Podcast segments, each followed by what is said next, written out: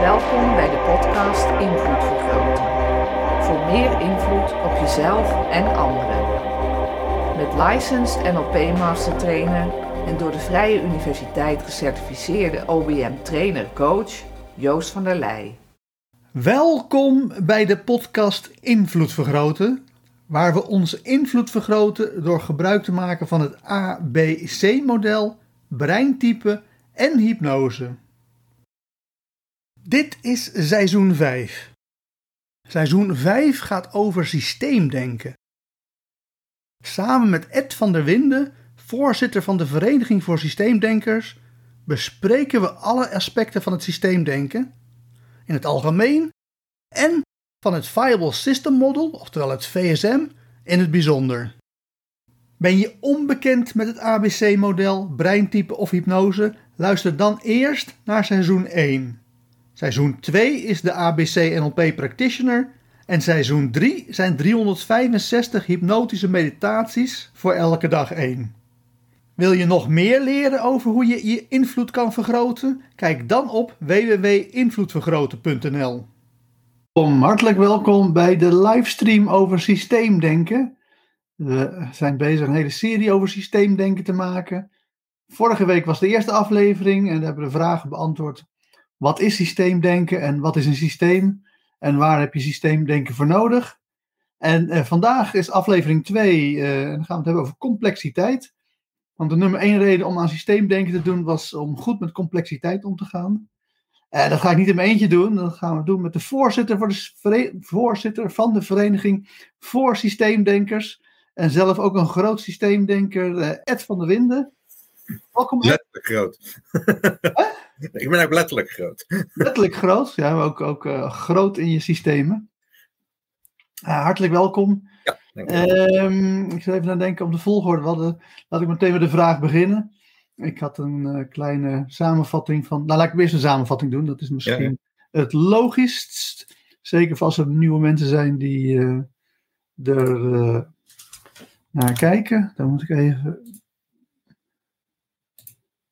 wat magische dingen doen. Dus ik heb bedacht dat we. Maar, en vul me aan als niet. Ik dacht, we maken een soort mooie PowerPoint slides. Uh, dan, uh, uh, dan vatten we samen wat we gezegd hebben. En dan als ik dingen vergeet, dan kunnen we erbij zetten. En wie weet levert het een mooie PowerPoint op. Wat is systeemdenken? Ja, niet heel erg precies gedefinieerd, maar het ging in ieder geval over het grote geheel in oogschouw nemen. dus holisme. En niet dingen te isolation, isola isoleren, oftewel geen isolationisme. Daar ben je het met me eens mee, neem ik aan? Ja, ja, ja. Ik, ik zou net andere woorden gebruiken, maar inderdaad na totaal. Ja, jij gebruikt, uh, re jij gebruikt uh, wat het, uh, reduceren, wat het? Uh, ja, reductionisme, zullen we zeggen, versus ja, holistisch denken. Of, maar maar de, de, essentie is, kijk naar de context, kijk naar totaal, meer dan naar de dingen in afzondering proberen te begrijpen. Ja. Precies. Uh, maar ik heb toch nog bedacht, ik heb nog even na, ja, mijn filosofisch brein kan daar niet anders dan over nadenken. Maar ik denk dat systeemdenken wel reductionistisch is. Het is niet isolationistisch, maar wel reductionistisch. En want ons voorbeeld, dat was mijn voorbeeld vorige ja. week, was het uh, lichtknopje, dat we dan terugbrengen tot één variabele aan, uit. En dan kan het een waarde 0 en 1 hebben. Dus dan reduceer je het lichtknopje wel tot een, ja, tot een soort, dat één variabele. Dus het is wel een soort uh, reductionisme. Ja, de, met, ik zat erover na te denken, precies over datzelfde voorbeeld. Van als we het dadelijk over complexiteit gaan hebben. Um, uh, misschien, misschien precies dit, dit, dit verschil, zou ik zeggen. Dus ik denk dat hoe je naar dat lichtknopje kijkt. Uh, en, en dat je daar meeneemt in dat er iemand naar kijkt. En dat dat lichtknopje voor iemand in verschillende contexten verschillende dingen kan betekenen. Dat dat, dat een, een onderdeel van het systeemdenken is. Het is. Uh, maar dan gaan we gelijk, gelijk dieper. Uh, er wordt ook wel gesproken over first order cybernetics of system thinking en, en second order. En first order is inderdaad meer reductionistisch. En second order, dat, dat, daar wordt de, de observer, uh, de, de, de, de persoon die ook ten opzichte van het systeem, de context, wordt daar ook explicieter in gemaakt. Dus ja. Uh, ja. Maar die wordt ook een systeem, toch? Ja, maar dat, dat, is, dat is een keuze. Van, zie je iemand, wat is je systeem? Wat is de context van het systeem? Maar de context is natuurlijk ook weer een systeem. Het, is allemaal, het zijn allemaal keuzes. Ja. en volgens mij was het, uh, is het dan zo dat je, je hebt, heel, dat had ik misschien nog eens termijn moeten zetten. Laat ik het er meteen bij zetten. Hmm. Het onderscheid tussen omgeving en systeem. Ja. slik ik ja, onderscheid tussen uh, omgeving en systeem en dat de relatie ook uh, ja, een heel belangrijk onderdeel is. Oh, nou kijk. dus uh, in, in veel dingen die we doen, bekijken we het, ja, dingen in, in, in isolatie inderdaad. En, en maken we ons minder druk over de relatie daartussen. Ja. Nou ja, het is toch even goed dat we het op deze manier samenvatten. Ja, dat klopt. Dat, is, een, dat zijn toch belangrijke dingen. Ja, en maar dan even terug naar de, de, de observeerder en wat er geobserveerd wordt. Dus als ik het uh, lichtknopje bekijk en ik uh, zeg het is een, een, systeem wat bestaat uh, aan, aan, één variabele, namelijk of die aan of uit staat, en die hebben twee waarden, namelijk 0 of 1. Ja, heel simpel. Dan, ja, de kamer is licht of de kamer is donker. En ja correspondeert met het lichtje staat, het eh, knopje staat zo of het staat in de andere stand. Ja. Dan ben ik uh, onderdeel van de omgeving. Maar volgens mij, als ik, zodra, ik, ook, zodra ik denk van, oh Joost, maar jij, jij speelt ook een rol in deze. Dus een relatie tussen jou en het lichtknopje. Van mij ga ik me dan als systeem beschouwen. En dan en, ja, gaan we ook nog bijkomen. En twee systemen, het zijn in principe gewoon twee uh, verzamelingen, variabelen. Die kun je altijd weer in een nieuwe verzameling stoppen. En dan heb je weer één systeem. Waar ik als observant ben en ik ook als. Uh, um, en het lichtknopje, dan zitten we dan in, in een hetzelfde systeem. Ja. Um, en dan, uh, maar dan is het volgens mij nog steeds zo dat, dat het een reductie is. Ik zie niet, hoe, ik zie niet in hoe je het niet. Dat het, niet kan reduceren tot iets. Je bent, je bent altijd iets aan het modelleren, dus reduceren. Dat is wat je ja. zegt. Ja. ja, dus zodra je het gaat, zeker als je het wiskunde gaat beschrijven, het is gewoon heel moeilijk om in de wiskunde. Uh, het is, zeker nog, zelfs als, het, zelfs als het één op één identiek met de werkelijkheid was, de wiskunde, dan hmm. nog eens een reductie naar de wiskunde toe. Ja, nou misschien wat het, wat, uh, maar dat is misschien ook hoe ik de term reductionisme ken, uh, of denk te kennen.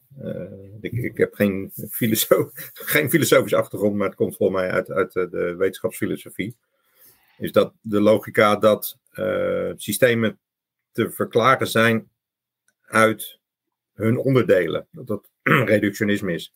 Ja. Dus dat de biologie te verklaren is uit de scheikunde. En dat de scheikunde weer te verklaren is uit de natuurkunde. Dat die, dat die als het ware stapelen. En uh, het verschil met, met uh, systeemdenken, systemisch denken, is dat je zegt: nee, de biologie ja, daar zit de scheikunde onder en er zit wel degelijk een relatie tussen. Maar de biologie is niet in zijn totaliteit te verklaren uit de uh, scheikunde. er is ook iets wat, wat op, de, op het niveau van de biologie uh, ja, letterlijk ontstaat. Er, er, ontstaat iets in die interactie. Er is, uh, is meer dan de som der delen. Dat, ja. dat is misschien het verschil. Ja, het klinkt inderdaad alsof je. Uh, nou, VK Simic. Leuk dat je erbij bent, VK Simic. Uh, kan je aan de hand van het voorbeeld van lichtknopje het verschil tussen reductionisme en isolationisme verhelderen? Het, is, uh, dus, het, het, klinkt in mijn oren ja. dat uh, Ed het vooral heeft over fysisch reductionisme. Dat wil zeggen dat we altijd op een of andere manier uiteindelijk kunnen terugbedenken van oké, maar het was uiteindelijk dit deeltje dat het deed. Mm. En uh, uh, ja, in mijn geval is reductionisme is gewoon elke poging om, uh, om nou ja, het is de hoeveelheid materie waar je het over hebt te reduceren. dus, als je, dus als je, in de, als je de evolutie gebruikt om te, te verklaren waarom er soorten zijn, dan is dat misschien geen fysieke reductie, maar is het wel een evolutionaire reductie. Ja. en isolationisme gaat puur over het feit dat het idee is dat je uh, om feit, als, als, alsof je om een feit een hekje kan zetten en het feit helemaal aan zich kan beschouwen, zonder rekening te houden met de relaties met de rest van de wereld. En hetzelfde geldt voor zinnetjes. Dat ook het idee is dat je in een zinnetje een soort betekenis zou kunnen vangen en daar ook een hek omheen kan zetten en dat het dan geen enkele relatie heeft met de rest van de zinnetjes die mensen uitspreken. Uh, dus, dus, ik denk heel erg dat uh, dat systeemdenken heel erg tegen het isoleren gaat en niet zo per se tegen het reduceren. Ja, dat is een, uh, Dus is een nuance die ik ook niet goed ken. Ik, ik ben bekend met de term reductionisme, maar niet zozeer met die isolationisme. Maar ik, ik hoor ook dat het net verschillende begrippen zijn. Ja, er zijn ook verschillende vormen van reductionisme dus. Ja. En als je bij het lichtknopje kijkt, dan zou ik, eh, zou ik het geen enkel probleem vinden om het lichtknopje gewoon in een, nou, een van een computerprogramma te reduceren tot eh, nul, tussen een 0 en een 1. En het, eh, maar ik zou wel heel erg problematisch vinden als we het doen alsof het lichtknopje helemaal in isolatie bestaat zonder enige relatie met de rest van de wereld. Ja, ik weet niet of, of ik dan te snel ga van. van want ik, ik, ik was precies wat ik al zei over dat lichtknopje aan het nadenken. Met de vraag: wat is complexiteit? Ja. Daar zie je het in. Zullen we zeggen, normaal gesproken met een lichtknopje, je komt de kamer in, de kamer is donker. Oh, ik wil het licht aan. Uh, je raakt het lichtknopje aan. Dus je hebt dan twee standen. Het is donker of het is licht. Um, en dan sta je ook niet stil bij dat er een relatie is tussen mij en de kamer en allemaal. Dat, dat, dat, gaat, dat, dat gaat haast vanzelf. Maar wat je. Uh, en de complexiteit van de situatie waar je dan mee geconfronteerd wordt, is heel simpel. Want er zijn inderdaad letterlijk maar twee mogelijkheden. Die complexiteit wordt gelijk groter als je het lichtknopje aandoet, maar het licht gaat niet aan. dan, Ja. dan, dan, dan- wat je dan acuut doet als mens, is dat je eh, zegt: Oh, maar oh, er is meer aan de hand. Ik moet misschien het bolletje vervangen of wat, wat dan ook. Je Dus systeem wordt, gelijk groter. En eh, er komen gelijk meer mogelijkheden. Dat is dan de essentie. Er zijn niet opeens meer twee mogelijkheden. Nee, er zijn meer mogelijkheden. Want je moet dan gaan kijken waar kan het aan liggen dat het licht het niet doet. Ehm, en dan zie je ook gelijk dat er een relatie is met, met mij. Zullen we zeggen. Als ik die kamer niet was ingekomen, dan boeide het me helemaal niet of dat, eh, eh, of dat lampje het wel of niet deed. Maar zodra ik daar licht wil hebben, dan, dan maakt het wel uit. Ehm, Ja. eh, Feken Sieberts heeft nog een vervolgvraag. Reductionisme is het terugbrengen van variatie. Ehm, ja, soms wel, soms niet. Nee. Eh, dus het is va- vaak is reductionisme eh, gewoon variatie op een andere manier beschouwen. Maar daar gaan we het Ja. vandaag heel erg over hebben. Ja. Dat komt nog terug. Ik denk niet dat het is. Ik ben het eens met wat je zegt. Het is niet het terugbrengen van variatie. Het is eh, variatie op eh, een beperkte. het? Naar een beperkte plek kijken om de variatie te zien. Maar er is variatie misschien ook nog op andere plekken. Ehm, wat is een systeem? Ja, dus dit is een beetje mijn definitie, maar ik weet nog steeds niet 100% zeker of Ed. eh, Ik weet dat Ed het hier niet mee oneens is, maar het is, ik kan me voorstellen dat Ed nog meer dingen wil beschouwen als een systeem, behalve dit. Maar voor mij is het gewoon een willekeurige verzameling variabelen. Eh, ja, jij, jij had een, een, een, een, wiskundige eh, eh, definitie. Ik, ik zou Ja. zeggen. eh, variabelen die dan twee types hebben. Dat, dat zou ik onderscheiden maken. Je hebt elementen en de relaties tussen die elementen. Dat, dat is. Ja, belangrijk, maar dat, dat is niet. Dan is het nog steeds waar wat hier staat, maar dan maak je hem iets, eh, iets, iets, iets specifieker. Ehm, eh, dus, dus ja, ik ben het ermee eens. Wat ik vaak in een soort zelf in de knoop kom als mensen een definities vragen. Ja, definities zijn ook situationeel bepaald. Dus definities zijn nuttig voor zover ze nuttig zijn. En op een gegeven moment wil je net een iets andere definitie. ja. Nou, hoeven we niet per se een definitie ook te hebben, want definities die, die kun je natuurlijk gewoon eh, ja, Wat, verzinnen. wat ik vorige keer zei, eigenlijk, eh, dat, dat slaat heel erg plat. Alles waar we een zelfstandig naamwoord voor, voor, ge- voor hebben, kan je zien als een systeem. Eh, en het is een systeem als je ermee aan de slag wil, als je er iets, als je het beter wil begrijpen, als je het beter wil kunnen handelen, eh, de- de- dus kunnen managen of er, je hebt er een probleem mee. Eh, letterlijk alles kan een systeem zijn. En natuurlijk zijn er ontzettend veel dingen die, die we gewoon net zoals lichtknopjes behandelen, die zo vanzelfsprekend zijn in, in, in ons dagelijks leven, dat we er helemaal niet over na hoeven te denken. Maar En tenslotte hadden we als eindconclusie, wat was het grote voordeel van systeem? Goed omgaan met complexiteit. Ja. Dus, en hier zit wat mij betreft ook die relatie in. Goed omgaan met complexiteit betekent dat er iemand is, eh, een individu of een groep mensen, die met een bepaalde situatie of met een bepaald ding, een systeem, eh, goed om willen kunnen gaan, inderdaad. En, en, en die situaties, dat, vaak wanneer je daarvan bewust bent, is het een complexe situatie, is het iets wat moeilijk is, om een of andere reden. En, en dus een, een hoge complexiteit heeft. Als dingen lage complexiteit hebben, dan, zoals het lichtknopje, dan maken we ons niet druk over, dan gaat het vanzelf. Mag ik hem zo aanpassen? Ja. Mooi. Dan zijn we klaar met dit gedeelte. Want dan is de vraag, oké, nou, wat, wat is dan complexiteit? Wat, wat denk jij, Ed, dat complexiteit is? Nou, wat, wat, wat ik eigenlijk nu al zei, van het is belangrijk Oh. dat Ja, ik heb geen antwoord, maar ik ben oh. de eerste vraag vergeten. Ja, ga door. Ja, nee. Nou, het is belangrijk volgens mij dat complexiteit altijd. Uh, het is een kenmerk van een situatie of een systeem, of hoe je het ook noemt, van een ding of wat dan ook. Uh, voor iemand die met dat systeem bezig is of er iets mee wil. Uh, net zoals natuurkundigen zeggen dat een uh, natuurkundig systeem een bepaalde hoeveelheid energie heeft, of entropie, of dat soort dingen. Dat zijn natuurkundige kenmerken. Vanuit het systeemdenken zeg je dat, nou, dan is complexiteit inderdaad een belangrijk ding. Van hoe complex is de situatie? Maar dat is altijd ten opzichte van, van wie er mee bezig is. Het voorbeeld van het lichtknopje net, van meestal is een lichtknopje een heel simpel ding met twee opties.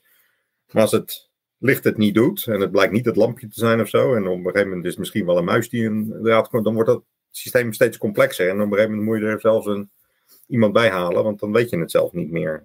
Dus uh, uh, ik vind het heel belangrijk voor mezelf dat, dat het altijd te maken heeft met een concrete situatie waar dat is. Dus complexiteit is voor mij allereerst een aspect van een situatie waar je mee te maken hebt. Kijk. En als het een hoge complexiteit is, dan is dat vaak iets waar je een probleem mee hebt, of waar je iets mee wil. Uh, ja. ja. Dus dat, uh, ja, ik ga er zo meteen nog verder, want ik was een vraag. Ja, ja er zit voor mij ook een ander achter, want het, want het leidt tot het begrip wat uh, net al langzaam variatie. Ja, precies. Ehm, de, want wat, daar dus, en wat er dan achter zit, als je in die relatie kijkt van wanneer heeft iets een hoge complexiteit, als er een hoop verschillende mogelijkheden zijn. Het hele simpele lichtknopje heeft er maar twee. Maar als het heel erg ingewikkeld is om erachter te komen waarom doet die lamp het nou niet, dan heb je op een gegeven moment een hele hoop mogelijkheden wat het zou kunnen zijn. En dan, dan is het dus een, dat, dat, dat is een definitie van uh, complexiteit. Een hoge variatie noemen ze dat dan. Een, ja. een groot aantal mogelijkheden uh, ik ga zo meteen de definitie van complexiteit volgens complex system science uh. Ja, dat, ik weet ik niet precies, maar... Die, ja, het is, het, is gewoon, ja, het is gewoon een formalisering van wat je al gezegd hebt. Dus het mm -hmm. is uh, nergens tegenspraak. Het is alleen, ik, ja, toen ik het ik heb het natuurlijk, ja, we hebben allebei Stafford Bier gelezen. En ja. daar heeft hij het heel vaak over. En dan wordt het goed uitgelegd, hè. Maar toen ik daar die definitie las, dan dacht ik, ach, wat hebben ze dat verschrikkelijk scherp gedefinieerd. Dat is Oké, okay, okay, dat is fijn. mooi. Is dat van het Santa Fe Instituut? Sorry? Nee, nee, het is echt een, ja, het is gewoon een wetenschap die ze nu. Uh, ja, ja maar voor mij zijn ze in Santa Fe, is het een universiteit waar, waar een hoop mensen zitten die zich daarmee bezighouden. In ieder geval. Maar, ja. maar, nee, dit, uh, dit is voortgekomen uit uh, het werk van Nassim Taleb. oh, oké, okay, ja, die ken ik. en, en ook hoe om te gaan met de coronacrisis. Oké. Okay. Dus, maar er, is, er, was al een beginvraag die ik elke keer probeer te Ja, ja laten, we die, laten we die even doen. Ja. ja, die zijn heel groot, dus dan word je een klein beetje je hoofd geblokkeerd, Ed. Oké. Is het systeemdenken niet alleen een manier om te ontleden hoe organisaties werken, in plaats van om problemen op te lossen in organisaties? Zijn er anders voorbeelden te noemen waarbij getracht wordt een probleem binnen een organisatie opgelost te krijgen, waarbij geen systeemdenken wordt gebruikt en het daardoor niet opgelost wordt? En kan je dit illustreren hoe dit probleem opgelost wordt, gebruikmakende van uh, systeemdenken? Nou, dat is uh, een mooie uh, vraag voor jou, Ed. Ja, ehm, ik ben zelf van de, van, van, van de school, of tot de conclusie. Ik, ik probeer het altijd zo concreet mogelijk te maken. Dus, dus voor mij heeft het echt met het oplossen van problemen te maken. En, en daar kan je natuurlijk allerlei mooie modellen bij verzinnen en theoretisch aan de gang gaan. Maar voor mij is de, de lakmoesproef is, kan je er ook iets mee in de werkelijkheid. En ja, ik zie persoonlijk uh, uh, situaties die, uh, waar, waar mensen inderdaad bezig zijn met, met een bepaalde manier van problemen oplossen.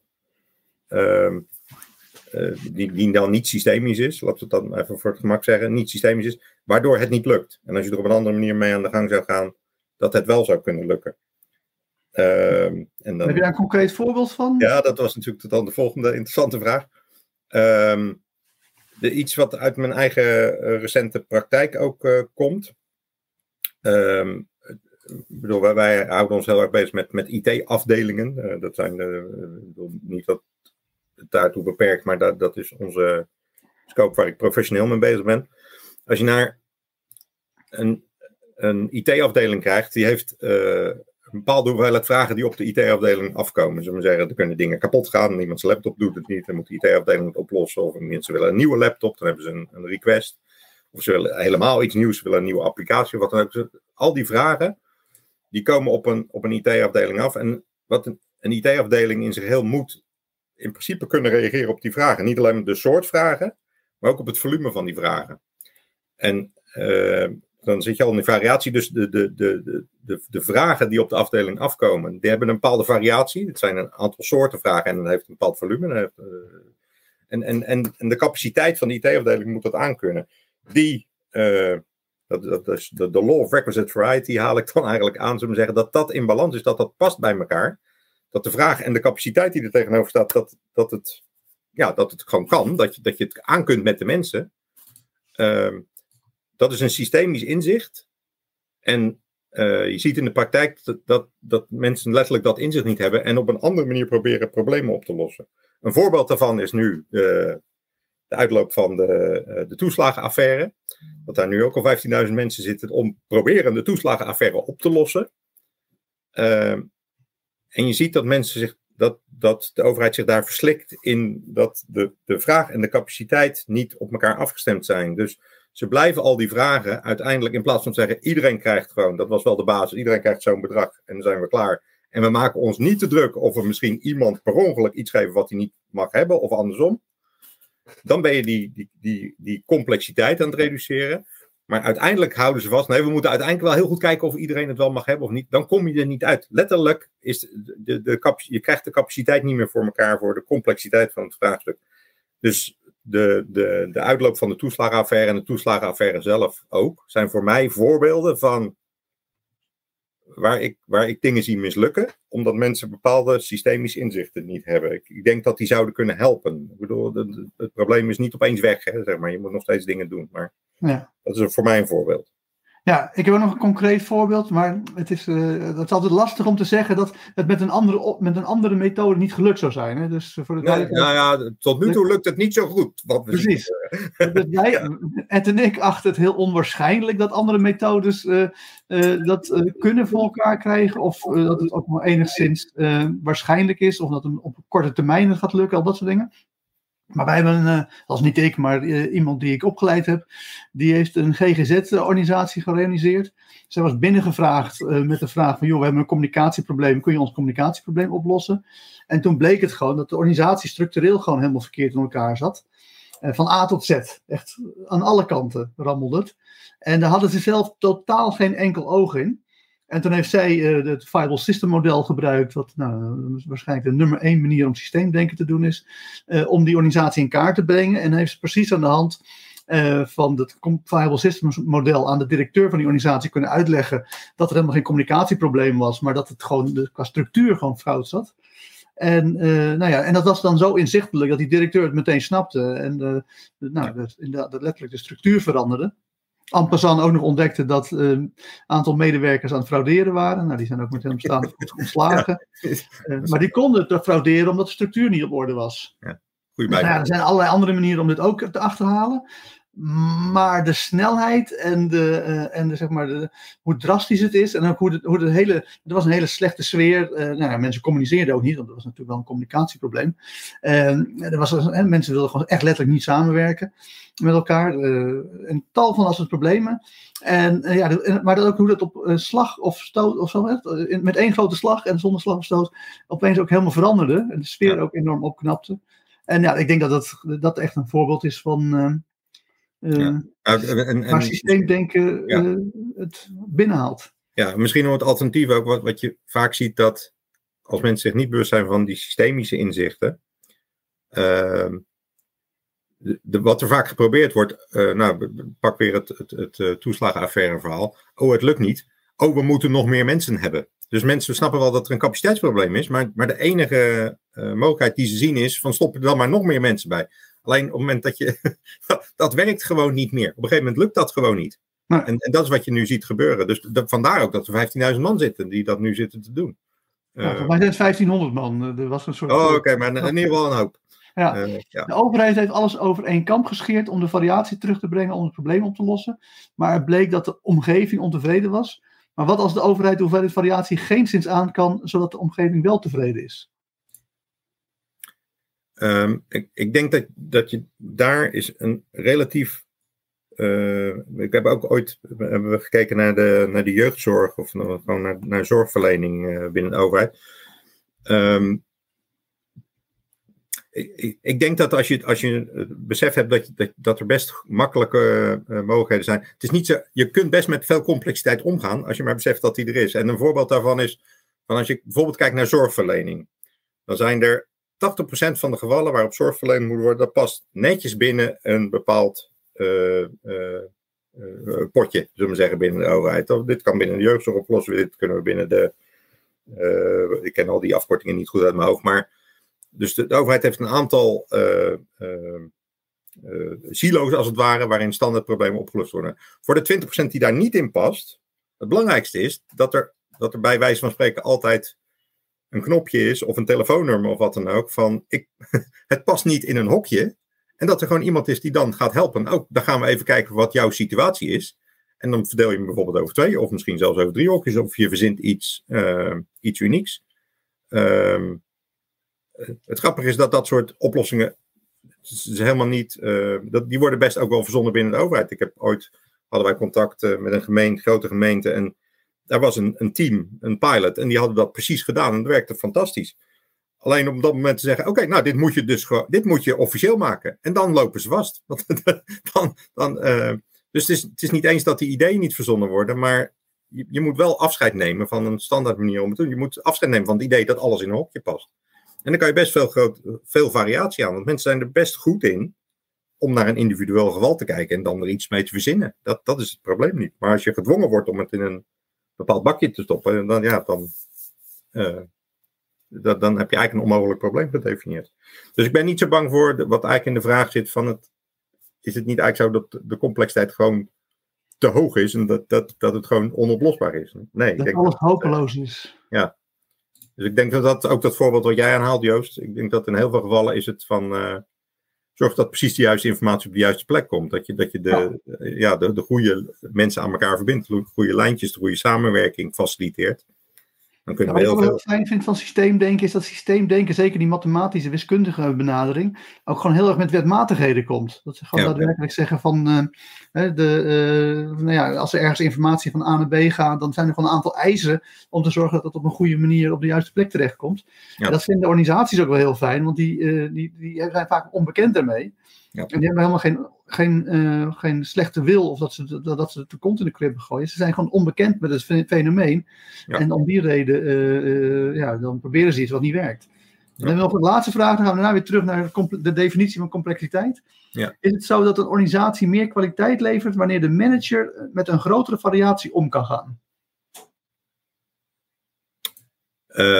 Ik weet niet of die dan gelijk meer kwaliteit. Het, het, is, het is meer omgekeerd. Ehm, de- manager, elke manager op de specifieke positie waar die zit, eh, moet kunnen omgaan met de hoeveelheid complexiteit die op hem afkomt. Ehm, eh, als die dat niet kan, dan, ehm, dan, dan gaat er iets mis. Dan, dan, dan, dan vang je iets niet op. Het is alsof iemand allemaal ballen naar mij toe gooit. Op een gegeven moment kan ik er eentje niet meer opvangen. Als de bedoeling is dat ik alle ballen vang, ja, dan vallen er sommige op de grond als ik, die, als ik te weinig handen ervoor heb. Zo, eh, dus ehm, ik denk dat kwaliteit een belangrijk punt is, maar ik zou, zou hem niet zo formuleren. Van, het is meer kijken van wat is er gewoon aan de hand en waar moet je, wat moet dus gemanaged worden en wat moet je voor elkaar krijgen. Volgens mij heb ik de vraag verkeerd voorgelezen. Dus- Oh, oké. Maar ja. ik wat, het is in mijn geval is zo dat eh, hoe, dictator, hoe dictatorialer je de on- onderneming maakt, of de organisatie, hoe meer macht de manager heeft, hoe meer Mhm. variatie die moet eh, kunnen verwerken, omdat alles op zijn of haar bordje komt. Ja, nee, Terwijl eh, eh, dus een manager die heel weinig variatie aan kan, die kan nog steeds prima managen, maar die moet gewoon heel veel autonomie geven aan lagere onderdelen in de organisatie. Ja, zodat die de variatie voor hem of haar oppakken. Maar de vraag was een andere. Is het zo dat een organisatie meer kwaliteit levert wanneer de organisatie eh managt om met een, grotere met een grotere variatie om te gaan? Dus het ging om de organisatie als geheel en niet per se één manager binnen de organisatie. Ik weet niet per se of je dan hogere kwaliteit gaat leveren. Ja, ik denk als een soort bijvangst, maar, maar, maar niet. Het is een soort indirectie die erin zit. Dus Ja, als de organisatie meer variatie aan kan, dat betekent dat ze een ingewikkeldere omgeving, een ingewikkeldere markt bijvoorbeeld kunnen bedienen. Dat ze, dat ze daar meer beter weten wat hun mogelijke klanten zouden willen. Meer regio's aan kunnen, meer verschillende culturen, landen aan kunnen om hun product te slijten. Ehm, eh, ze, ze, sluiten beter aan. Ehm, ja, en, en, op het moment dat je, dat je je variatie goed managt, dan, dan ga je tijd overhouden in plaats van dat we het allemaal te druk hebben. Dus ja, dan kan je ook aandacht aan je kwaliteit geven. Maar dat, ja. maar dat is een. Uh, het bekendste voorbeeld hierbij is de auto-industrie. Ooit mm -hmm. kon, je, kon, je, bij Ford alleen een auto bestellen. Dan kreeg je gewoon een Ford. Die was altijd zwart. zwart. Ja. En op een gegeven moment ging de concurrent, die ging daadwerkelijk je aanbieden dat je ook nog uh, kleuren uh, kon kiezen, welke kleurauto je kreeg. En ja, is de variatie dan beter? ja, dat is, of is de kwaliteit dan beter omdat je een auto die gekleurd hebt? Is niet per se, het zou kunnen, hoeft niet per se. Maar je hebt in ieder geval, is wel de kans groot dat je eff meer efficiency hebt. Ja. En dat je daadwerkelijk beter in staat bent om de markt te bedienen. Ja. Dus of dat ook vertaald in kwaliteit is, vers 2. Um, dus er zijn allemaal vragen nog, maar ik wil heel even nog terug naar complexiteit en dan ga ik daarna de andere vragen. Uh, want uh, Ed had uh, uitgelegd, ja, de complexiteit hangt heel erg van de situatie af. als je het lichtknopje hebt, is het heel weinig complex, maar een kapot lichtknopje, dat is. Uh, ik kan nog een peertje vervangen, maar daarna wordt het voor mij heel snel heel moeilijk. Ja, en dus de, er, is, er is een wetenschap, je hebt Complex System Science, die gaat over, nou ja, over systeemdenken. En die hebben als definitie van complexiteit is gewoon uh, hoeveel variabelen heb je nodig om iets te beschrijven. En dan is het gewoon de, de, en als je dan voor elke variabele kijkt hoeveel opties die heeft, hoeveel mogelijkheden die heeft, dan krijg je dan een groot getal. En uh, dat, ja, hoe hoger dat getal is, hoe complexer de situatie is. En hoe kleiner het getal is, hoe minder complex. Dus als je het lichtknopje alleen maar ziet als één variabele die 0 en 1 kan, dan is de complexiteit 2. Want die twee opties heeft. Uh, maar als je, een, als een draaischakelaar hebt die van, uh, nou, laten we zeggen, 100 standen heeft, dan is de complexiteit opeens 100 geworden voor datzelfde lichtschakelaartje. En het grappige is, is dat je alle variabelen kan je altijd uh, terugbrengen tot binaire variabelen. Ook zo'n mooi lichtknopje met 100 standen. Die kan je namelijk gewoon zeggen, is het stand 1 ja, nee, is het stand 2 ja, nee, is het stand 3 ja, nee. En dat betekent dat je uiteindelijk blijkt dat de bitlengte, dat hoeveel bits heb je nodig om het systeem te beschrijven, in binaire variabelen, oftewel hè, 0, 1, 0, 0, 0, 0, 0, 1, 1, 1, 1, 1, 0, zo'n zo, nou, zo mooie binaire code, dat is precies de maat voor complexiteit. Ja, dat is op zich, ik ben het helemaal eens met, uh, met, met deze beschrijving. Wat heel belangrijk is, is dat dit wordt dus gevoed door het model wat je op een gegeven moment hanteert. Want daar begon het mee. Je hebt een model met variabelen. Het kan zijn met, met grote ontdekkingen. Zeggen, uh, toen Einstein zijn theorie uh, uh, verzon en die zei, nou, Newton was leuk als je het in een beperkte context bekijkt, maar als je het in het groot bekijkt is het dit. Toen, kwam, toen, toen was het model voor eenzelfde situatie, je kreeg op een gegeven moment een ander aantal variabelen en zo. Dus, dus complexiteit is in die zin ja, afhankelijk van onze kennis en, en, en de achtergrond die we hebben. Dus, nee, in heel, standaard uh, omgevingen speelt dat helemaal niet, want dus verandert dat nauwelijks of niet. Ja, nou, dat, dat, dat, dat, vind ik namelijk mijn eerste interessante voorbeeld. Okay, dus, okay. Maar vervolgens zeggen ze, dat is, dat is complexiteit. Ja. Maar dan gaan ze zeggen van, oké, okay, hoe kunnen we daar mee omgaan? Dan hebben ze dan de drie uh, uh, criteria voor die je moet kunnen om er goed mee om te kunnen gaan. En een voorbeeld is het gas om je heen. He, dus als je het, dat, de lucht om je heen, die bestaat uit nou ja, miljarden moleculen. Ja. Die moleculen hebben allemaal variabelen, want die hebben namelijk trainingssnelheid en bewegingsrichting. En dus dan heb je, nou laten we, dat, laten we bij die twee houden, laten we suggereren ja. dat dat maar, ook maar binaire dingen zijn, dat dat natuurlijk helemaal niet zo is. Maar dan, hebben we, maar dan heb je vervolgens dus vier opties. Maar ja, laten we zeggen dat er een miljard uh, moleculen zijn in je omgeving. Ja, dan heb je meteen, nou is dat uh, vier tot de miljardste of miljard tot de vierste? Dat weet ik dan nooit. Ja.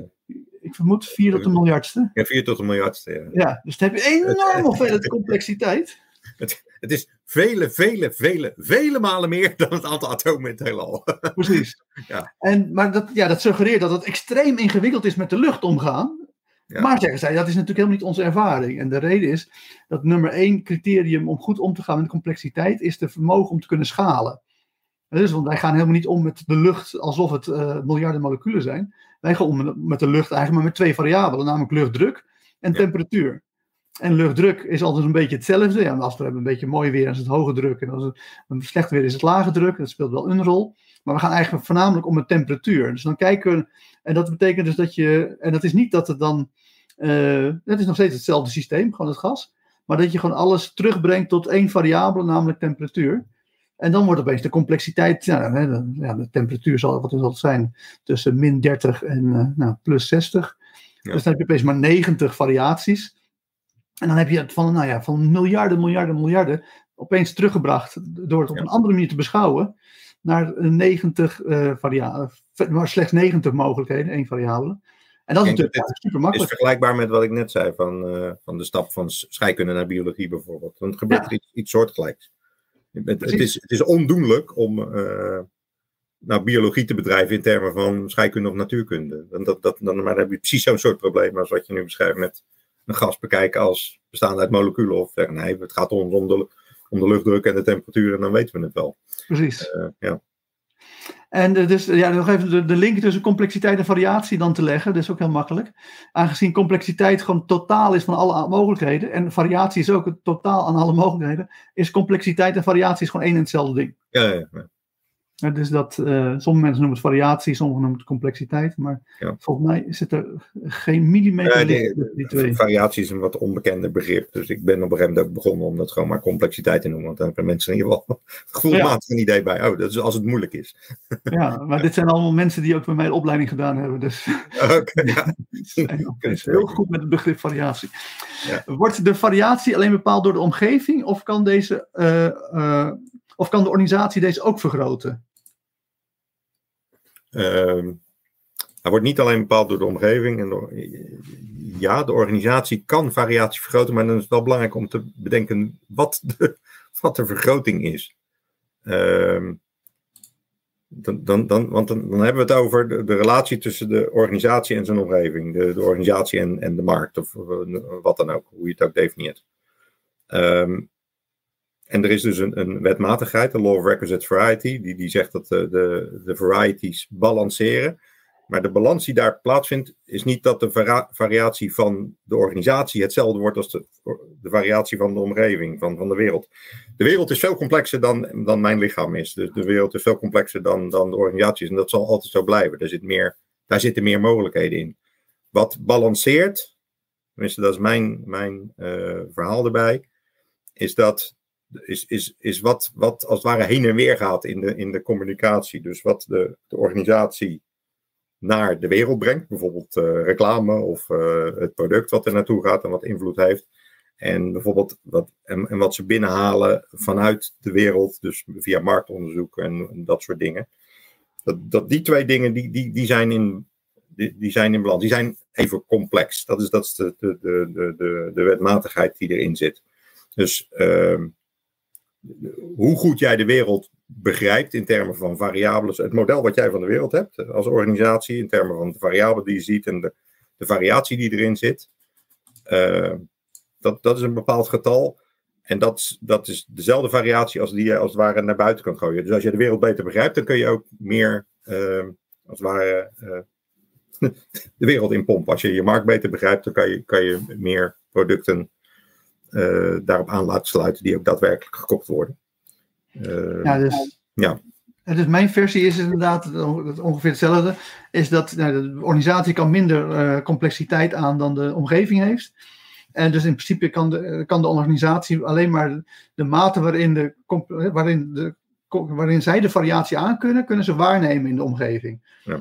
Dus dat is heel simpel als je een of ander nou, telefonisch bestelnummer hebt waar iemand auto's kan bestellen en, uh, en je hebt alleen maar een formuliertje waar je aan kan kruisen hoeveel auto's iemand wil, maar niet de kleur. Dan kan iemand aan de lijn wel zeggen en ik wil een rode, maar omdat het nergens genoteerd wordt, zal het, dat het feit dat iemand een rode wil niet, in de organisatie, niet tot de organisatie doordringen en dan krijgt het uiteindelijk gewoon een zwarte T voor.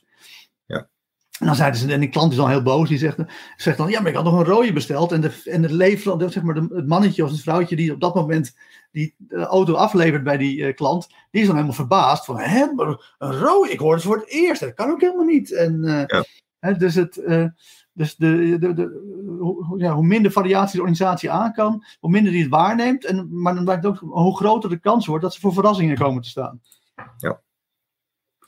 Uh, dus dat is, ja, Jeroen uh, verklapt een beetje mijn verhaal. Dat is niet erg. dat is niet goed. Dat het uh, ook snapt. Ja. Oh Jeroen, tof dat je er bent. De, meeste manier om met complex, de beste manier om met complexiteit om te gaan is goed te kunnen schalen. Daar hebben we het over gehad. Hè? Dat is het verhaal over lucht, wat je kan beschouwen als moleculen of als temperatuur. maar dan moeten we nog wel over hebben hoe je dat dan binnen organisaties doet. je moet je kunnen aanpassen. Nou, dat ben ik helemaal eens. Hè. Dus, uh, ja. Als er, dus de, ja, de, aangezien de omgeving altijd veel complexer is dan de organisatie zelf, of, jij, of jij zelf als individu, dan, dan, is, dan, is, er een kans dat je voor verrassingen komt te staan. En dan moet je voor die verrassingen moet je goed mee om kunnen gaan, in de zin dat je moet kunnen aanpassen. Nou, de coronacrisis heeft dat heel goed laten zien. En je moet efficiënt zijn. En nou, daar hebben we het ook al over gehad. Dat als jij inefficiënt bent, dan is het zo dat concurrenten aan de haal gaan met jouw klanten als je organisatie bent. En dat je uh, dan ophoudt te bestaan. Maar dat geldt ook voor uh, wezens. Hè. De reden waarom de mensheid de aarde veroverd heeft, is primair te maken dat wij gewoon veel efficiënter zijn dan andere dieren. Ja. Um, dus ja, dat klopt allemaal. Uh, dus dat zijn inderdaad de drie eisen van complex system science: schalen, aanpassen en efficiëntie. Um, als we teruggaan naar schalen, uh, hoe kan je binnen een organisatie zorgen voor uh, beter om te gaan met, uh, of dan beter om te gaan met complexiteit door te schalen? Um, dat is een relatief moeilijke vraag. Van, als ik gewoon denk aan mijn eigen praktijk. Um, zeggen, die, die, wordt heel, die wordt bepaald ook door zullen zeggen, welke opdrachtgever ik op een gegeven moment te pakken krijg. Dus, dus ik kom ergens binnen die organisatie binnen. Dat bepaalt letterlijk het niveau waarop ik, waarop ik uh, ben. Tegelijkertijd, uh, omdat wij op deze manier denken, op deze manier uh, adviezen geven en, en, ook hier met de klant over aan, mee aan de slag gaan. Ehm, een van de, de, de een, een mogelijke manier om daarmee om te gaan is bijvoorbeeld dat je zegt van nou, we, willen, we hebben hier een enorme groep mensen. Die willen we eigenlijk dat die op een andere manier met elkaar gaan communiceren. Ze doen nu veel te eenzijdig en er moet een betere, hoe heet het? Er, moet veel meer uh, gewoon feedback in die, uh, in die communicatie zitten. Maar dat betekent dat je, dat je een hele grote groep moet benaderen. Wat wij daar uh, soms doen, is dat we beginnen, zeggen, nou, begin met een concreet probleem met een klein groepje. En laat, laat langzaam als een soort olievlek steeds, steeds groter uitgroeien. En dan kan je met train-de-trainer-achtige situaties werken. Wat je dan doet, is dat je uh, nou, letterlijk een bepaalde oplossing langzaam opschaalt in een organisatie. Maar het, is, het belangrijkste is dat het iets is wat je bewust doet. Dat je beseft dat het ook uh, in die stappen gaat. Dat, dat, uh, het niet, dat je best af en toe ook een presentatie kan geven aan een grote groep mensen. Maar dat daarmee niet, dat je niet klaar bent. Zullen zeggen dat je ook letterlijk mensen even een tijdje moet begeleiden om een, een nieuwe gewoonte aan te leren.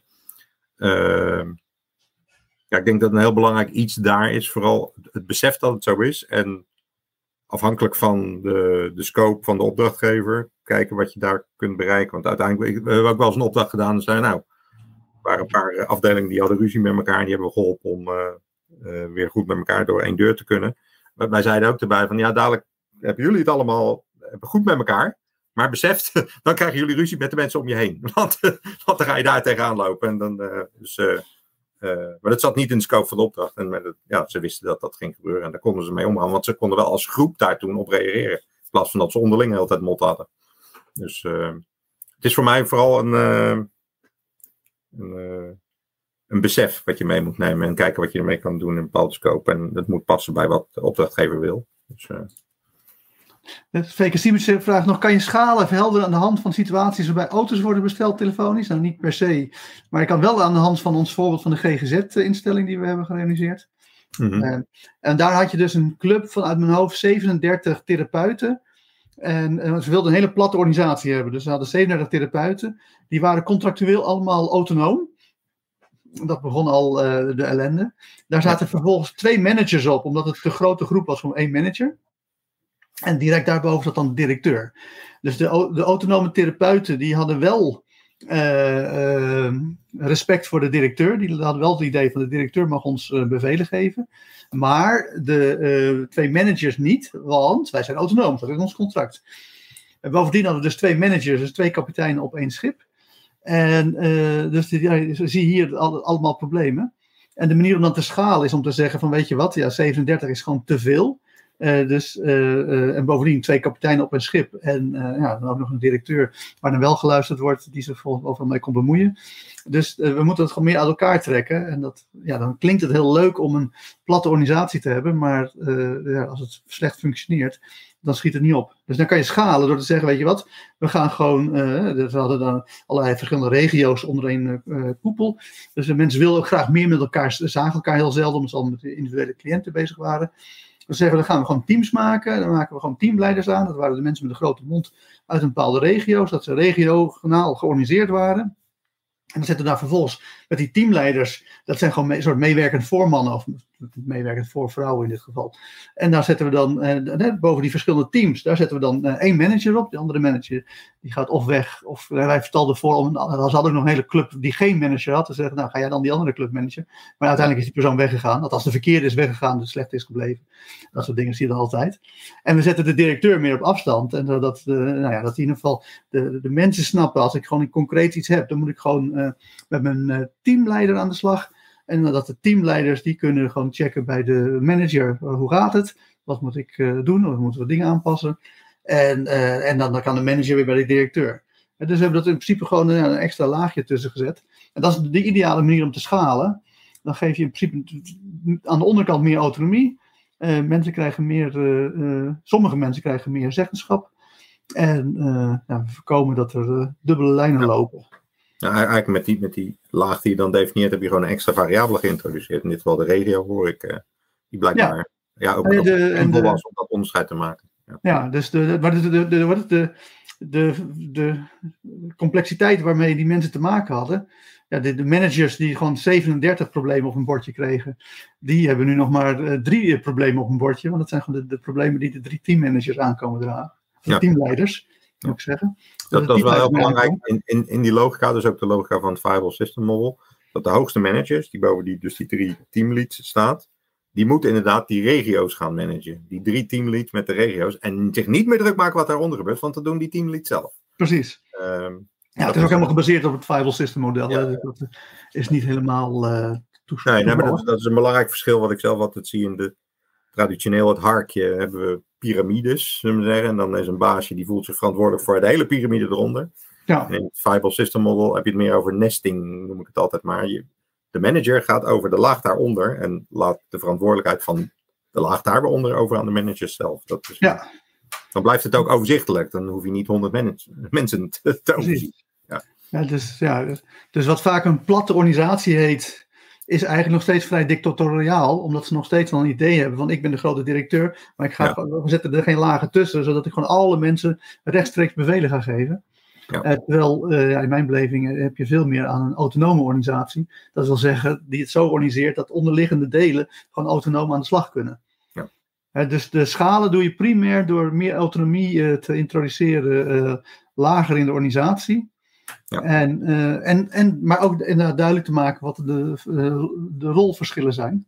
Ja. En, en uh, mensen rolvastheid, dat is nu binnen de politiek ja. een heel belangrijk onderdeel, rolvastheid toe te schrijven, zodat ze snappen van dit is mijn rol. En ik moet ophouden buiten mijn rol te acteren. Ja, helemaal eens. Dat, dit, dit is een ontzettend belangrijk iets. Het is ook de logica, wat je eigenlijk hier ziet, is van is, moet je nou, uh, is decentraliseren nou goed in een organisatie of centraliseren? En het antwoord is van allebei een beetje. Ja. heen en, weer. en dit is precies wat het is. Dit vertelt je precies hoe je daar die, wat een goede balans daarin is. Het is bij de ING hebben we gezien, de ING heeft ons gevraagd uh, over de volgende situaties. Ze hadden allemaal autonome zelfsturende teams gemaakt, omdat de complexiteit voor de top te groot werd. Die kon alle uh, variaties niet aan. Maar toen bleek dat die teams onderling niet samenwerkten nogal logisch, want ze hadden net tegen die mensen gezegd: ja, jullie zijn zelfsturend, jullie moeten het zelf uitzoeken, jullie zijn helemaal autonoom, jullie moeten het doen. Ja. En, uh, maar zij, die managers die bedoelden: val ons niet lastig. Wij hebben wel te veel aan ons hoofd. Ja. En, maar je hadden wel gehoopt, maar ga wel natuurlijk met de buren, ga wel die buren lastig vallen. Maar die mensen hoorden dat en die interpreteerden dat als we mogen, moeten het helemaal het wiel zelf uitvinden. We mogen op geen enkele kant hulp vragen de rest van de organisatie. Ja, een heel herkenbaar patroon. ja. Uh, bij Nationale Nederlanden hebben we het gehad. En dan, uh, hadden ze ook weer autonome zelfsturende teams gemaakt. Uh, maar die hadden ook geen enkel idee wat ze moesten doen. Dus dat was ook, dat was ook van, ja, we hebben een probleem. En wij van de top hebben geen idee hoe we het kunnen oplossen. We gaan nu zelf autonome, zelfsturende teams verzinnen. Nou, en nu gaan jullie het oplossen. Ja. En toen, die teams had echt zoiets wat dan? Ja, je bent zelf, autonoom zelfsturend, dat moet je zelf uitzoeken. Ja. ja. hoe dan? Ja, moet je ook wel zelf uitzoeken. Dus die hadden echt letterlijk, die hadden echt werden gewoon diep ingeflikkerd en die hadden zo echt letterlijk geen idee waar, wat hun werk was gewoon. Hè? Dus, nee, dat, dat klopt. En, uh, ik, ik heb ook meegemaakt dat in een soortgelijke situatie dat uh, tijdens het traject dat de mensen op de werkvloer, zeg ik dan maar even oneerbiedig, dat is op een gegeven moment zeg maar, druk. Ja, maar waar heb ik dan die manager? Want dan, dan hoef ik die ook niet meer te hebben, want dan doen we het wel zelf. Ja. Dus je, je krijgt allemaal spanningen ontstaan daar ook door. En dat is, dat, dat, hè, als het goed loopt, dan is dat ook zo. Dan heb je die manager ook niet nodig. Desalniettemin zullen we dan waarschijnlijk ook wel in een uitzending zien. Is die manager juist wel heel erg nodig om identiteit vast te stellen. Om te zorgen dat het één groot geheel blijft. Om te zorgen dat verschillende afdelingen elkaar niet kapot concurreren. Ja. Dus er zijn nog taken genoeg voor managers over. Zeker, zeker, zeker. Dat, uh, ja. Maar dat zijn dan ja, inderdaad gewoon uh, meer abstracte, hogere taken. Die meer met de organisatie aan zijn geheel te maken heeft dan met de specifieke uitvoering van werkzaamheden. Dus uh, zover over schalen. hoe belangrijk vind je aanpassingsvermogen? Ehm, ja, aanpas ja, het is heel belangrijk en, te, en het is heel moeilijk. Want, want ja. aanpassingsvermogen, ja, daar heb jij misschien nog wel meer over te vertellen op basis van, van jouw favoriete theorieën. Van hoe moeilijk het is voor mensen om iets anders te gaan doen dan wat ze gewend zijn. En dat is, dat is letterlijk wat het is. Dus we hebben als individuen hebben we allemaal gewoontes. Ik denk er wel eens over na. Denk, ja, ik droog me elke ochtend op dezelfde manier af. dezelfde volgorde. Dat, dat soort gewoontes. Uh, maar, maar in organisaties heb je dat ook. Uh, in organisatie, dus dus het, het, samen met je collega's. Ik zeg ook wel eens van. Uh, mensen doen binnen de deur van een organisatie. Virtueel binnen de deur, ook als je thuis zit. Maar doen ze zulke gekke dingen die ze in het dagelijks leven nooit zouden doen. Uh, dus, en dat is allemaal gewoontegedrag. En het is heel moeilijk omdat de aanpassingsvermogen is, is heel belangrijk. En het, uh, het is misschien wel het ingewikkeldste om, om zeggen, mensen in te begeleiden om dat ook voor elkaar te krijgen. Dus, dus gewoon vertellen van kijk maar, dit is de oplossing. Als je het zo gaat doen, dan komt het goed. Dat is vaak niet genoeg. Nee. Uh, dus dat, maar dat weet jij ook. Maar dan is, het al, eh, dan is er al een oplossing ontdekt. En dan is het alleen het probleem om de mensen zover te krijgen dat ze ook daadwerkelijk de oplossing gaan uitvoeren op de juiste manier. Ja, en dat het, dat het een soort in je eigen systeem komt. Waar ik het ja. woord systeem doe. Maar dat het, dat het een gewoonte wordt van, oh, maar dit werkt eigenlijk wel lekker. Ja. Uh, dat inderdaad, dat, dat ze het resultaat, dat dat vastklikt in hun hoofd. Oh, dit geeft me goede resultaten. Dit blijf ik doen. Ja. Nee, dat is heel moeilijk. Hè? Dus dat is ook de reden waarom ze bij de Vrije Universiteit mij gevraagd hebben om uh, opleidingen te verzorgen daar. Omdat ze ontdekten, ja, je kan uh, als, als professor technisch uitleggen aan directeuren uh, wat het nieuwste onderzoeken, inzichten zijn en hoe ze de dingen kunnen runnen. En dan zeggen ze allemaal, oh, oh heel interessant. En vervolgens ja. gaan ze terug naar kantoor en doen ze er niks mee. Ja. En dus het mensen zover mee krijgen. Maar dat is, dat is alweer een stap verder, want dan hebben we al uh, daadwerkelijk uh, oplossingen gevonden. Uh, ik denk namelijk dat het aanpassingsvermogen, dat, het feit dat het heel lastig is, als het probleem heel groot is, toch op magische wijze verschijnt. Hè? Dat zag je ook met de coronacrisis. Dus aan, aanpassingsvermogen is vooral hoe ga je om met nou ja, vooral negatieve verrassingen. waarschijnlijk ook met hoe ga je om met onverwachte kansen. Maar dat, ja, dat, is wel iets minder belangrijk dan, dan als, zeker als het grote bedreigingen zijn. Maar kennelijk, ja, toch, dat, dat, zie je. Nou ja, we hebben binnen de corona. Dus ze zijn eerst tien jaar bezig geweest om uh, zo'n mRNA-vaccin uh, een beetje zelf uit elkaar te, te, te, te, klikken en te kijken of het lukt. En opeens ja. was er iets uh, waardoor het heel noodzakelijk werd. En er werd ook enorm veel geld tegen aangegooid. Ja. En nou, pop, en daar was het. Ja, nee, je kan het inderdaad ook van de andere kant bekijken aanpassingsvermogen is op een bepaalde manier ook heel natuurlijk. Dus het gebeurt van, tussen vanzelf. Als er een bepaalde situatie is, dan, gaat, gaan alle systemen zich daarop aanpassen. Uh, feitelijk om te kunnen blijven wie ze zijn. Dus zeggen, als mens, als, als, als biologisch systeem, uh, wil je gewoon in leven blijven over het algemeen. Dus, dus je zal er alles aan doen om dat voor elkaar te krijgen. Dus als het koud ja. trek je een jas aan, bij wijze van spreken, want anders, uh, anders is het niet goed voor je. Ehm, eh, maar dat doen de organisaties ook en dat doen we als maatschappij, deden we dat ook bij corona, wat je zegt. Dus eh, als je alleen naar organisaties kijkt, waar we het ook over hebben, van uh, die aanpassing, die je van nature krijgt, is niet altijd de aanpassing die je wilt hebben. Nee. Dus, dus als, als een organisatie in, in zwaar weer komt vanwege concurrentie of zo, ja, dan gaat die organisatie gaan allerlei dingen, ze passen zich aan, maar er kan wel een aanpassing zijn die uiteindelijk tot de dood van de organisatie leidt. Ja. Ehm, dus we, we zijn er, de organisatie heeft een eigen, uh, een eigen brein, zou je haast kunnen zeggen. En, en wat je eigenlijk wil, is dat we als mensen in die organisatie meer in de stuurstoel zitten. En dan moet je het een beetje snappen. Uh, ja. Dan moet je die processen. Ja. Bovendien is het ook weer de, de law of requisite variety. Is dat als jij je onvermogen hebt om aan te passen, dan verdwijn je. Hè? Dus het is wel zo dat wij natuurlijk zien dat een heel. Uh, hoe zeg je dat? Een, een hele natuurlijke reactie reageert, komt op, uh, op onverwachte tegenvallers of on, ja. onverwachte bedreigingen. Maar ja, dus we zien dan aan het eind, zien we, en dat is ook een beetje survivor bias, en dan zien we, nou, dat was weer mooi aangepast. Hè? Dat, ja. Wat zijn we als mensen toch goed? Maar we zien natuurlijk, we hebben wij te wij, vaak te weinig oog voor alle organisaties, en dit gewoon ook mensen en andere, uh, uh, andere wezens die uh, er onderdoor gegaan zijn en ook daadwerkelijk gewoon verdwenen zijn. Ik, ik, zag in een of ander cabaretprogramma na de COVID, volgens mij was het een Amerikaan op Netflix of zo, zag ik dat. Die maakte daar een grap over van die begon zo'n grap te maken over COVID. En nou, het viel allemaal wel mee en zo. Maar die zei, ja, al die mensen die, die het niet overleven, zitten niet in de zaal. Dus die nee. konden er niet om lachen, maar die waren er ook niet. Dus Precies. dat is die survivor bias. Ja. ja. Er nog een vraag van VK Siemens. Dat is denk ik een vraag die ik ga beantwoorden. Van mensen met een levensgenietersbrein wordt gezegd dat zij soms, vaker dan andere breintypes, een te rijk wereldmodel hebben. Wordt daarmee bedoeld dat de totale variatie te hoog is, of dat de hoeveelheid irrelevante variabelen te hoog is? Dat kan allebei. Hè. Het is in ieder geval zo dat zij meer mogelijkheden zien dan dat er uh, waarschijnlijk qua, uh, in de werkelijkheid voor ze zijn. En dat ze daarmee, uh, omdat ze dus, nou ja, niet bestaande mogelijkheden proberen het, het, nou ja, die kans te grijpen, ja, dan grijpen ze vaak mis. Want ja, als je iets probeert te grijpen wat er niet is, ja, dan ga je weinig vangen.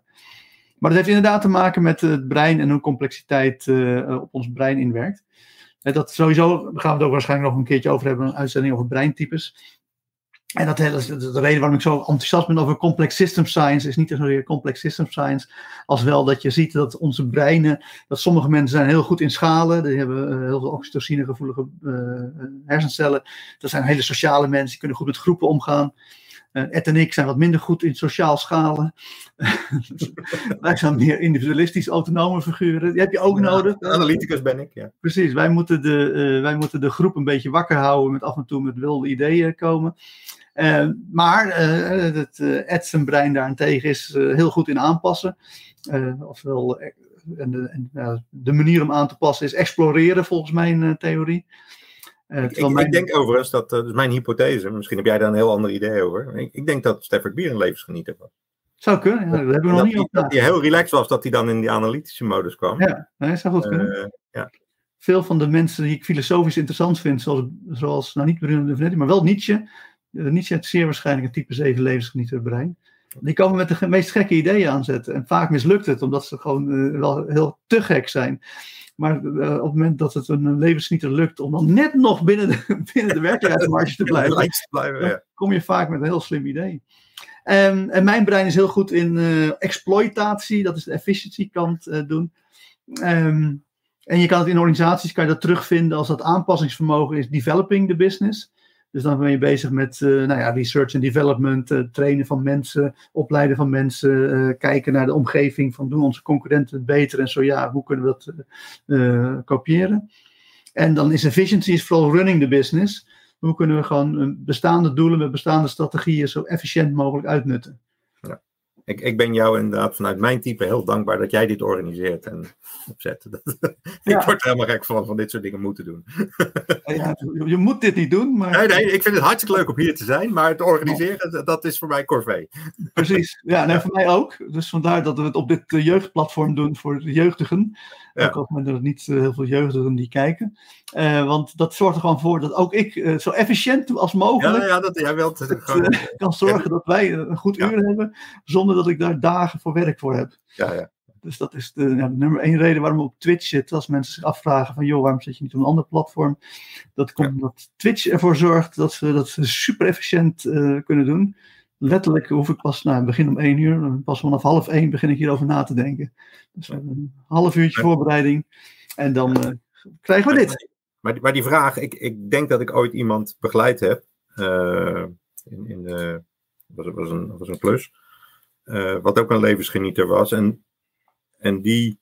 Uh, voor hem was het inderdaad te veel variatie. Want het, het lukte hem niet om zichzelf staande te houden uiteindelijk. Of met heel veel moeite. Um, omdat hij inderdaad de hele tijd. Ja, te, er zat te weinig focus in uiteindelijk. En hij, hij kon letterlijk de de variatie die vanuit de organisatie op hem afkwam, omdat de organisatie ook, daar was ook wel wat op aan te merken, zeggen. Ja, dat was gewoon niet, daar kon hij niet mee dealen. Dat, dat was niet te doen. Uh, dus dat was niet eens alleen maar zijn schuld, maar zijn type, uh, breintype hielp niet daarbij. Uh. Nee. Ja, ze zijn ook conflictvermijdend. Dus als de organisatie dan ook nog eens een keer uh, een, wat het, de variatie op een vrij conflicteuze manier binnenbrengt, dan hebben ze erg de neiging om te willen wegrennen. Uh, Marco van Basten, oh nee, dat is een type 5 brein, dat is niet een goede voorbeeld. Uh, ja. Dat was, ja, ik zit heel in die voetbalwereld met brein. Ja, ja, ja, ja. Maradona is de prototypische voetballer met uh, levensgenietersbrein. Oké. Okay. Uh, efficiency, moeten we afronden. Het is bijna een uur geweest. Een uur. Uh, efficiency ook belangrijk, Ed? Uh, maak ik mezelf minder druk om. dat is ook wel typisch ja. voor jouw brein dan. ja, nee, nee maar ook in, in opdrachten van dingen hebben de tijd nodig die ze nodig hebben. Dus wat wij doen in de praktijk is heel veel, wat ik net zei, kleine groepje, de, een concreet probleem pakken en dan mensen daarin begeleiden. Een paar sleutelfiguren, hebben we natuurlijk een opdrachtgever, maar dan kiezen we samen de sleutelfiguur uit. Daarmee bestrijk je een bepaalde hoeveelheid van de organisatie.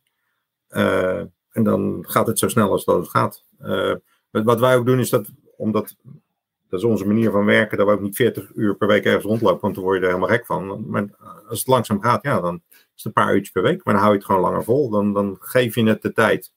Uh, en soms heeft het die tijd nodig.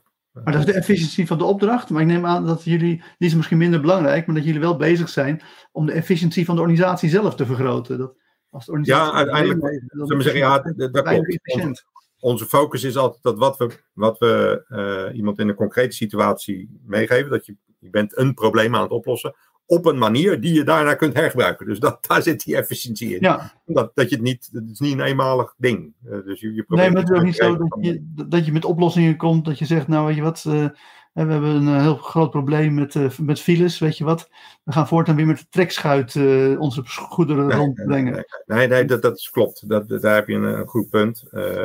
en we proberen iets blijvends mee te geven, wat je kunt hergebruiken. En dat is dus goed voor de, voor de efficiëntie. Ik denk overigens dat efficiëntie.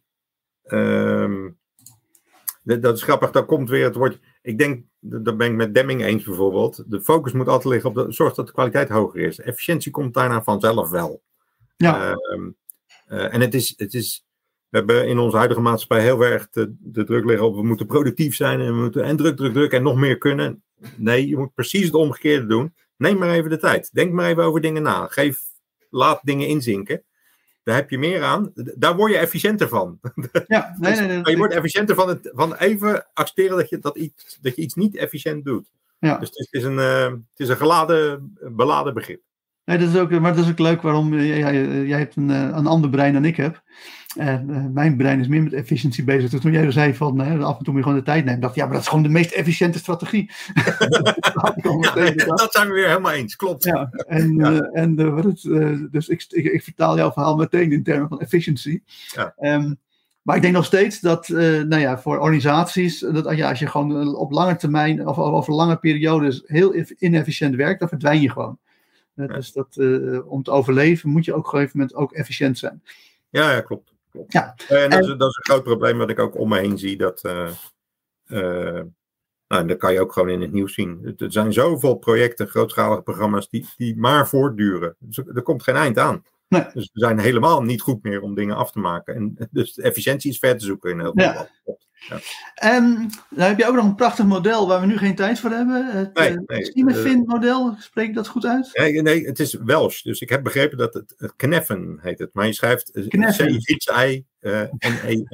dat had ik erin. Dat is Welsh, Kneffen, ja. En dat gaat ook over complexiteit.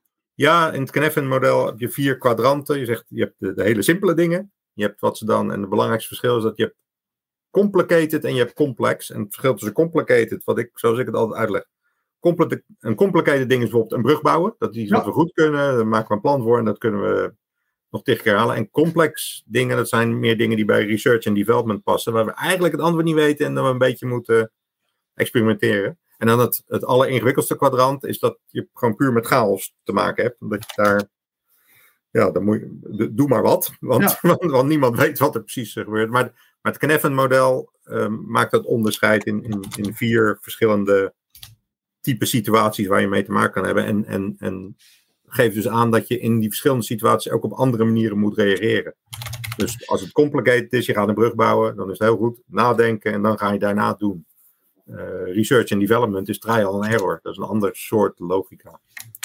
Eh, Ik zet in de, in de chat zet ik de link naar de Wikipedia-pagina van het eh Kneffin-model. Ja. Ook al staat er Cinefin in mijn beleving. Ja, ik zei ook heel lang vinden, maar toen Ja. werd ik. Werd ik Ehm, eh, maar dat lijkt me een fantastisch onderwerp voor de volgende keer. ja, dat Het had- Cinefin-model. Dus dan, nou ja, dan, dit was ook wel weer een dag voor mij. In de zin dat ik denk, kunnen een mooie complex system science tevoorschijn toveren. Ja. Maar van eh Kneffin eh, weet ik niks. Dus althans, ik heb het één keer meegemaakt. eh, ook op- voor mij was het niet, ah, was het niet onder leiding van jou, maar misschien van een ander.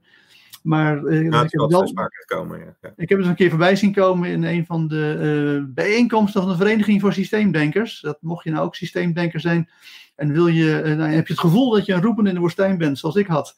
Eh, dan eh, kun je je aansluiten bij de Vereniging voor Systeemdenken. En dan eh, hebben ze nou ja, maandelijks een bijeenkomst. En waar, eh, nou ja, Komende vrijdag weer. Komende vrijdag alweer. Dus als je er snel bij bent. Kan, en wat is het onderwerp voor komende vrijdag? Nou, we- doen de, de, de maandelijkse meetings. Dan het is meestal een relatief klein groepje. We gaan gewoon praten en dan wat mensen brengen gewoon iets in. En eigenlijk zijn we dan altijd aan het praten over wat mensen daadwerkelijk bezighoudt. Dus dat, eh, en dat werkt eigenlijk best goed. Kijk. Dus, eh, En voor mij komt er ook intervisie. eh, dus ja, we zijn er met een intervisiesessie bezig. Die, die komt eraan. Dus we, we hebben ook wat losse onderwerpen die we dan apart plannen met de mensen die daar dan interesse in hebben. Dus, Dat is een belangrijke vraag van Dion. Dion, leuk dat je er bent. Wanneer mag je jezelf een systeemdenker noemen? Ja, dat mag alleen pas wanneer je denkt in termen van systemen. Ja, systeemdenken is geen, eh, geen beschermde titel, dus je mag je systeemdenker noemen wanneer je wil. Maar wanneer je denkt in termen van systemen, dan eh, mag je jezelf systeemdenker noemen. Ja. En dat, eh, ja, dat kan allerlei soorten systemen zijn, maar nu weet ik dat Dion, dat jij onder andere met ABC NLP bezig bent. En dat is een systeem. Dat is helemaal eh, wiskundig gedefinieerd met wiskundige variabelen. Dus eh, dat is volkomen cybernetica. Oftewel, mocht je eh, enthousiast over ABC NLP zijn, ja, dan kan je jezelf ook systeemdenker noemen. dus er, zijn, er zijn ontzettend veel verschillende smaakjes. Eh, Ja. Ed, super dank voor dit, eh, ja, jij ook weer. voor dit uur. Het, was weer, het vloog voorbij. Het was weer zeer boeiend. Volgende week gaan we over het Kneffin-model eh heten. En als je dat zoekt, dan moet je even op Cinefin zoeken. Want eh, zo schrijf je het. Eh, maar het heet Kneffin. En eh, nou, dan gaat Ed ons uitleggen dat er vier verschillende soorten eh, vormen van complexiteit zijn. Eh, nou, van, van laag tot eh, godsonmogelijk. Ja. En eh, eh, nou ja, dat horen we allemaal volgende week.